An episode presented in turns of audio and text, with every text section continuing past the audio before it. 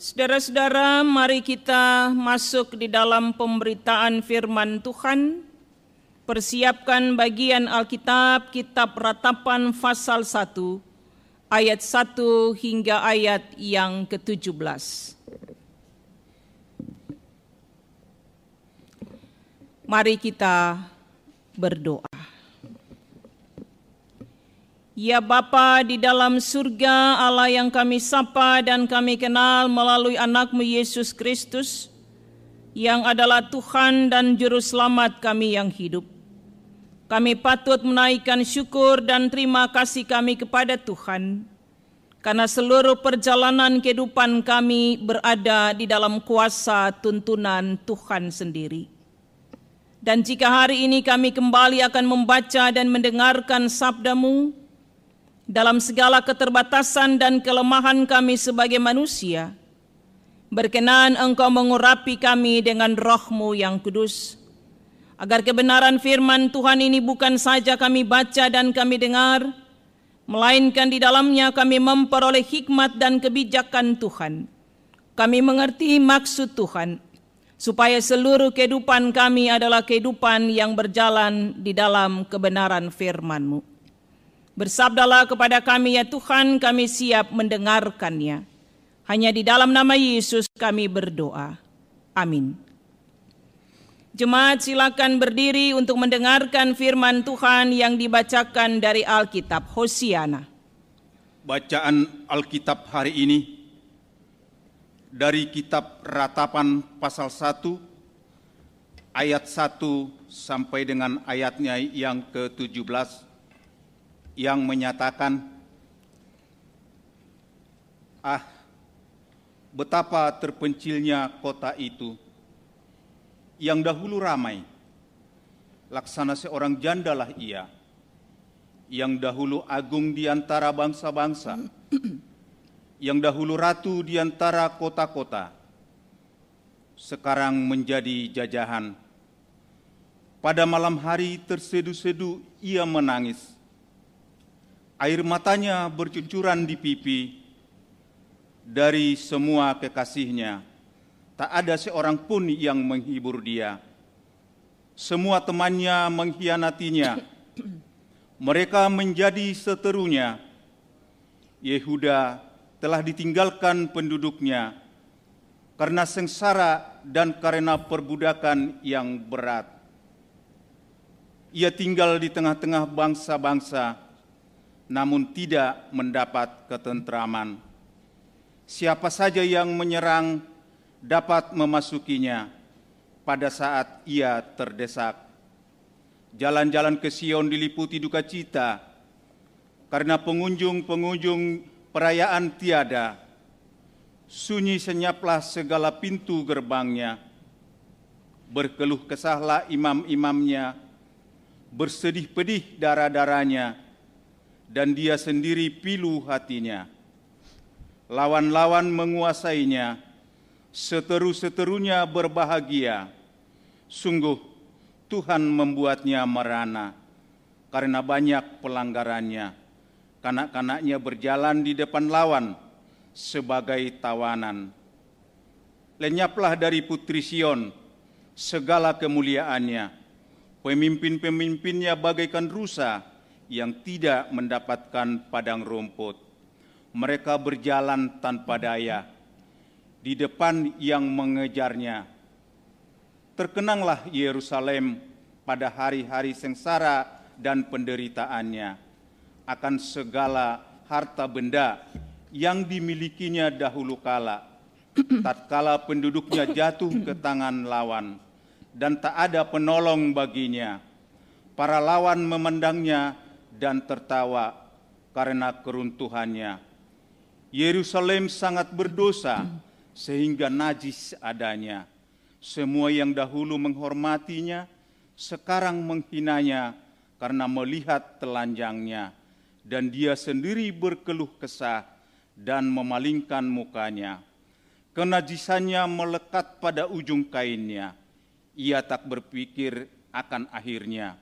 Sangatlah dalam ia jatuh, tiada orang yang menghiburnya. Ya Tuhan, lihatlah sengsaraku, karena si teru membesarkan dirinya. Si lawan mengulurkan tangannya kepada segala harta bendanya, bahkan harus dilihatnya bagaimana bangsa-bangsa masuk ke dalam tempat kudusnya. Padahal engkau, ya Tuhan, telah melarang mereka untuk masuk jemaahmu. Berkeluh kesah seluruh penduduknya, sedang mereka mencari roti, harta benda mereka berikan ganti makanan untuk menyambung hidupnya.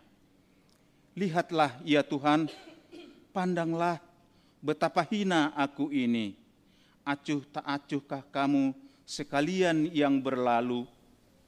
Pandanglah dan lihatlah apakah ada kesedihan seperti kesedihan yang ditimpakan Tuhan kepadaku untuk membuat aku merana?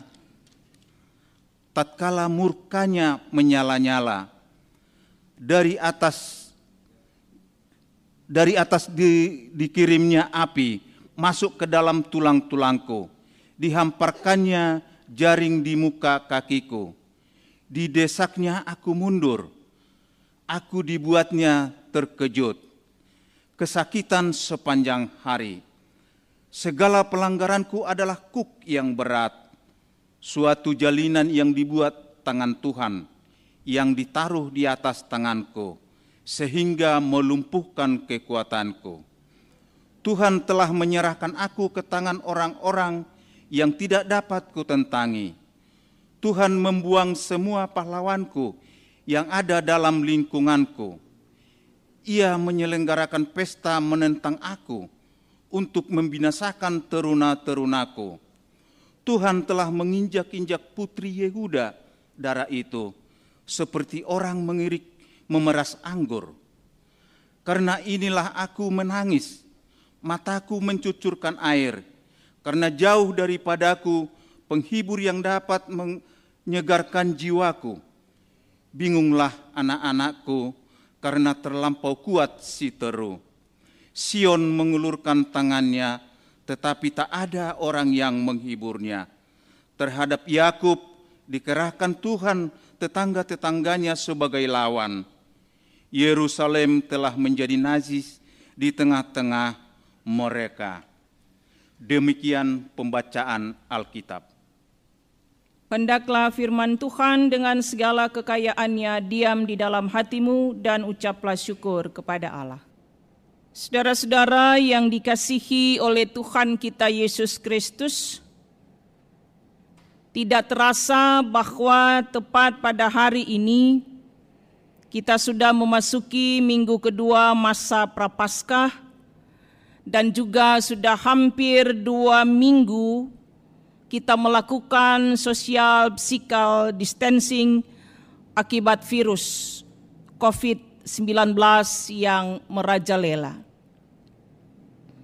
Kita bisa melihat bahwa hampir semua gereja dalam masa prapaskah distancing period ini juga sudah melakukan ibadah virtual seperti yang kita lakukan hari ini guna mencegah penyebaran virus antar manusia.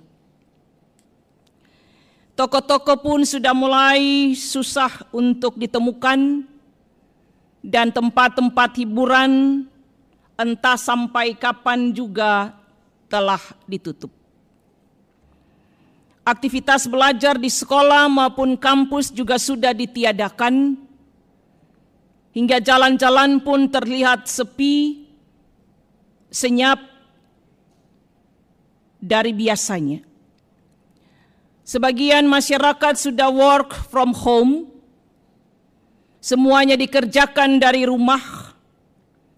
Sekalipun masih ada beberapa yang harus bekerja di luar rumah, namun semuanya mereka terus berusaha untuk menjaga jarak demi kesehatan mereka dan orang lain. Juga tidak ada perkumpulan atau terlihat anak-anak muda di kafe atau di restoran. Mereka semua juga dipantau. Tidak boleh ada keramaian seperti biasanya. Sepi. sunyi, layaknya ada yang hilang di kota. Hal ini juga saudara-saudara yang terjadi pada nas bacaan kita ketika kitab ratapan sesuai dengan namanya kitab ini penuh berisi dengan ratapan dan kesedihan yang dialami oleh bangsa Israel karena hancurnya kota Yerusalem. Kota yang dibanggakan oleh mereka karena di situlah ada bait Allah. Hancurnya kota Yerusalem di tangan Babelonia. Yerusalem yang awalnya terkenal dengan bangunan bait Allah yang megah dan biasanya hiruk pikuk karena orang-orang kemudian datang ke Yerusalem merayakan hari raya hari raya mereka. Negeri yang tadinya penuh dengan hasil ladang yang penuh dengan makanan dan minuman hingga sukacita mereka meluap. Yang mewarnai negeri itu seketika semuanya hilang lenyap, sunyi dan sepi. Hilang. Hancur dan runtuh. Tidak ada lagi yang tersisa Jalanan pun menjadi kosong. Tidak ada kegembiraan dan sukacita di jalan-jalan yang biasa ditemui. Semuanya sudah hancur dan menjadi senyap. Saudara-saudara yang diberkati oleh Tuhan, gambaran ini dapat kita lihat bersama pada nas kita hari ini di ayatnya yang pertama. Apa yang dikatakan di situ? Ah, betapa terpencilnya kota itu yang dahulu ramai. Laksana seorang janda yang dahulu agung, sekarang menjadi jajahan. Lihat, dulu ramai, sekarang sepi. Penulis memakai kata janda di sini sesuai dengan konteks Israel kuno untuk menggambarkan bahwa Israel ini sudah tidak ada penolongnya, tidak ada lagi pelindungnya, layaknya seorang janda dan anak-anak tanpa seorang laki-laki yang menjadi pelindungnya. Kemudian juga dituliskan pada malam hari ia menangis. Air mata pun bercucuran. Tak ada yang menghibur. Yehuda ditinggalkan penduduknya. Jalan-jalan ke Sion diliputi duka cita. Pengunjung-pengunjung hari raya pun tidak ada. Sunyi dan sepi, seolah-olah tidak ada penghuninya dan pilu hati mereka. Israel berkabung. Yang biasanya penuh dengan kegembiraan-kegembiraan, sekarang mereka berduka seakan-akan tidak akan ada lagi penghiburan bagi mereka. Perayaan yang biasa dirayakan dengan makan, minum, dan sukacita, sekarang tidak ada lagi. Ketika malam hari orang sudah tertidur pulas, Israel fokus dengan kesesakan hatinya, pilu hatinya. Jalanan kosong karena ditinggalkan penduduknya karena perbudakan. Saudara-saudara, ada tiga kata yang sangat jelas dalam bagian ini: sunyi, senyap keluh kesah dan bersedih pedih dan pilu hati. Melalui kata-kata ini saudara-saudara dengan sangat jelas penulis kitab ratapan merasakan betapa sesaknya, betapa pedihnya, betapa sunyinya, betapa sepinya hati dan kotanya. Ia bersedia atas penderitaan yang dialami oleh bangsa. Tuhan membuatnya merana. Lenyaplah segala kemuliaan Yerusalem.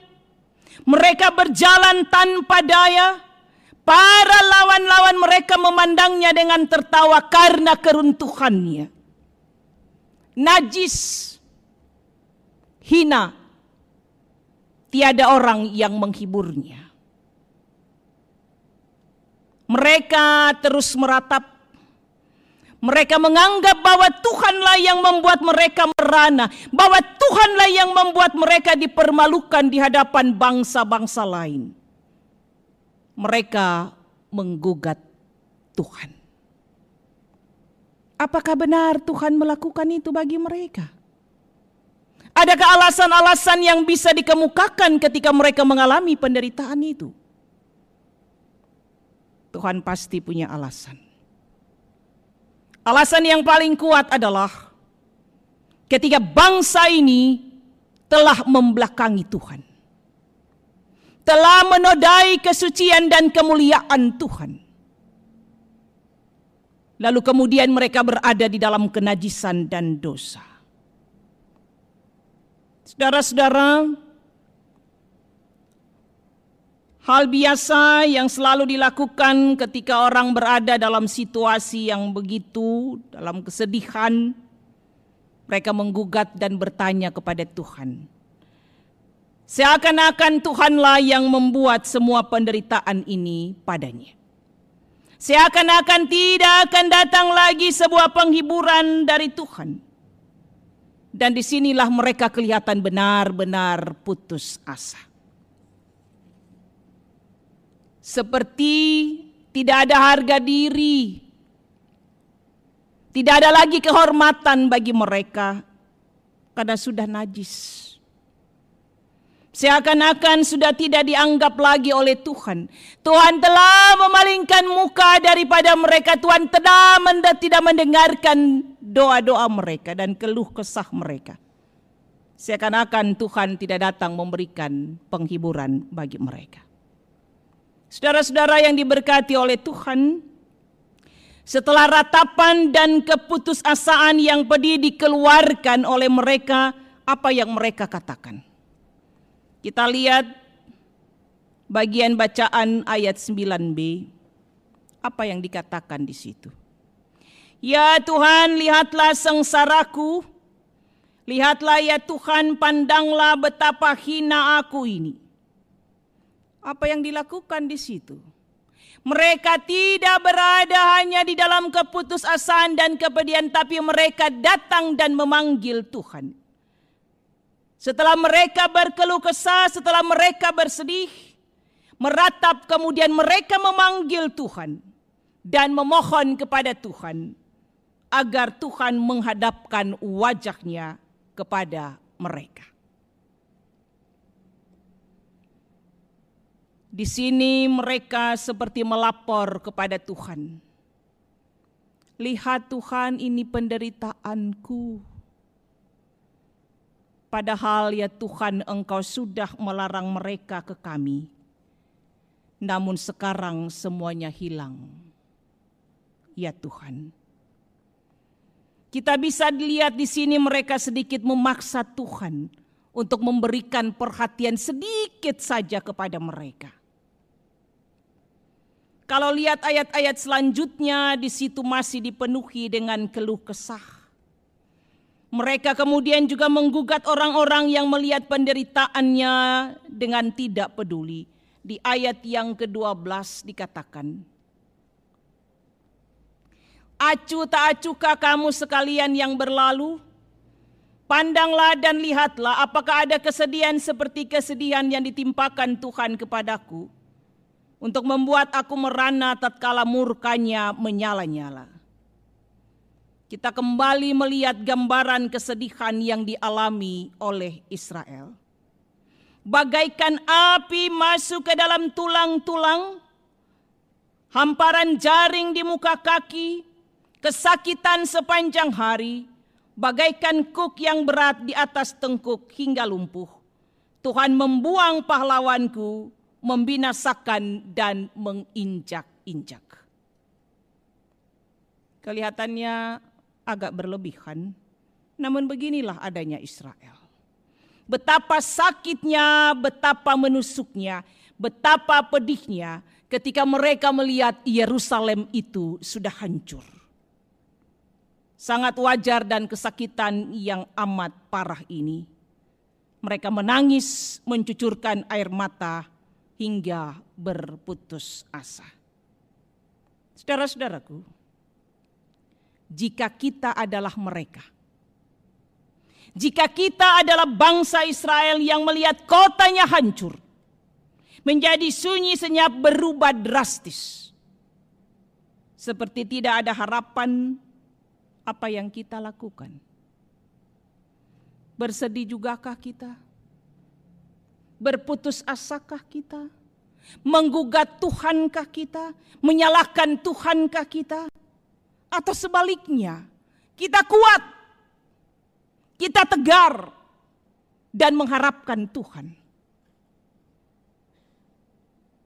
Apakah meratap itu sesuatu yang salah dan keliru? Orang bilang kita ini kan orang Kristen.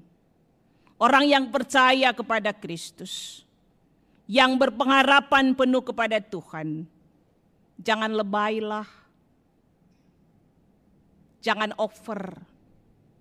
Pasti ada jalan yang Tuhan beri. Apakah salah kita merasakan kesedihan layaknya yang dilakukan oleh Israel? Tentu tidak. Selalu ada ruang untuk meratap. Tidak semua harus dihadapi dengan kekuatan dan keteguhan. Karena di dalam kelemahan tersebut justru muncul kekuatan. Sebab jika aku lemah, maka aku kuat. 2 Korintus 12 ayat 10. Di dalam kesunyian itu kita meratap. Namun yang perlu kita perhatikan kembali, apakah hanya sampai di meratap sajakah? Tidak. Israel pun tidak begitu. Jika kita melihat ayat 21 hingga 22 di situ tertulis, meskipun dalam kesesakan dan kepedihannya, mereka masih melihat secuil harapan dan berusaha mengimaninya. Kecil, tapi justru mereka mengimani bahwa ada harapan bahwa Tuhan pasti akan menolong mereka. Dalam ratapannya akhirnya mereka tetap berpegang pada Tuhan meskipun terlihat tidak mungkin.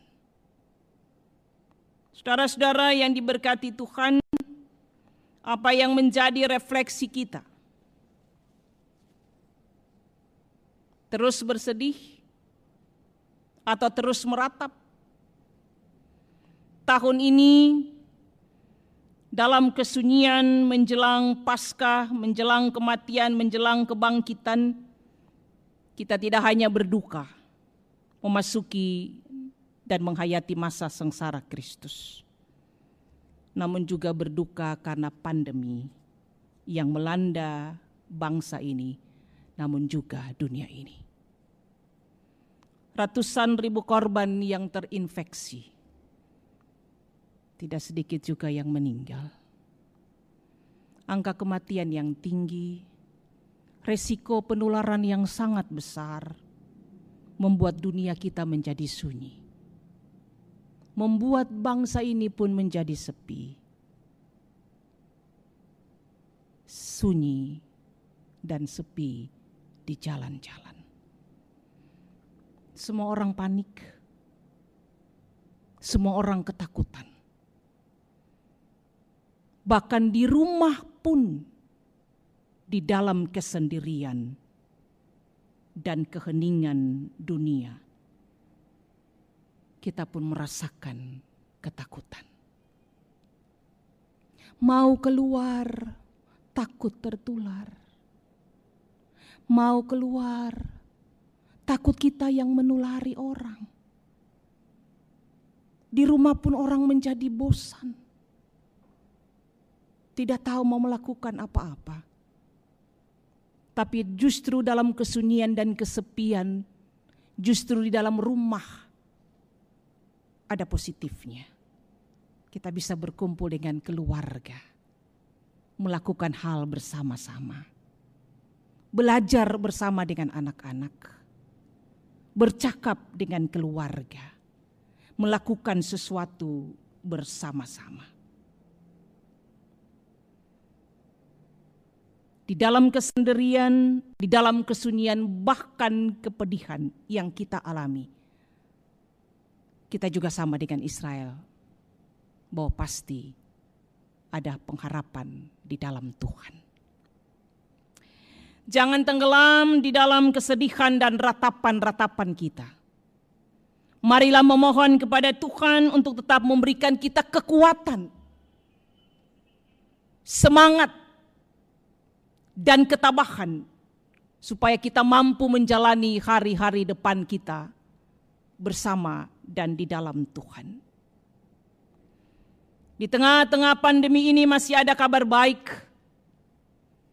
Cina dan Amerika sudah mulai mengoperasikan uji coba vaksin untuk melawan COVID-19. Korea Selatan sudah memprioritaskan Indonesia untuk mengekspor bantuan yang dibutuhkan.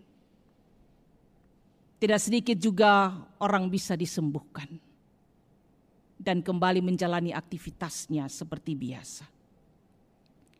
Saudara-saudara, mari kita manfaatkan kesunyian ini dengan positif juga. Teguhkan diri dan kuatkan diri Bawalah keluh kesah dan pengharapan penuh kepada Tuhan bahwa dalam kesedihan ini, dalam kesepian ini, dalam kesunyian ini, Tuhan akan tetap memberikan penguatan dan daya tahan bagi kita semua.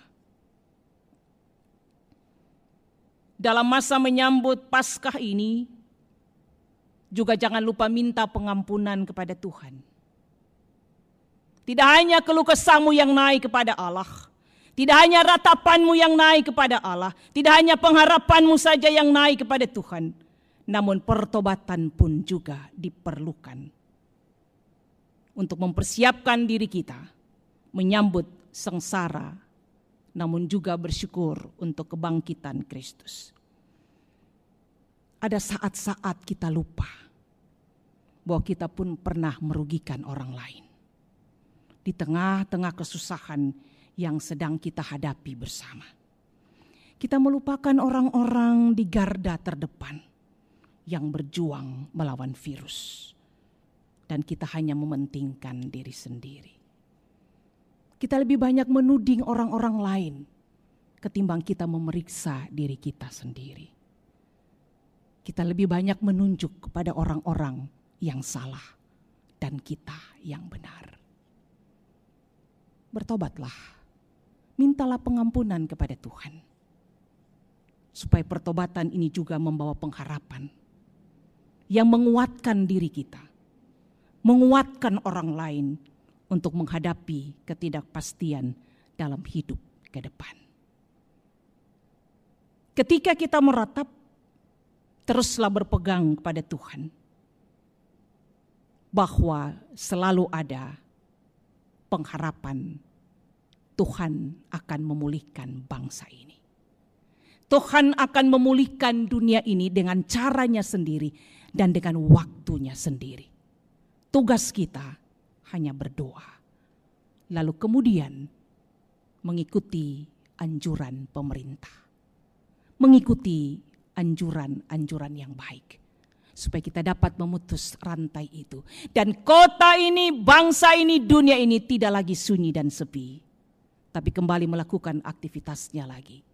Karena pertolongan Tuhan selalu datang tepat pada waktunya. Kita bisa lagi beraktivitas, kita bisa lagi beribadah seperti biasa. Karena pengharapan di dalam Tuhan tidak pernah sia-sia. Tuhan memberkati kita. Amin.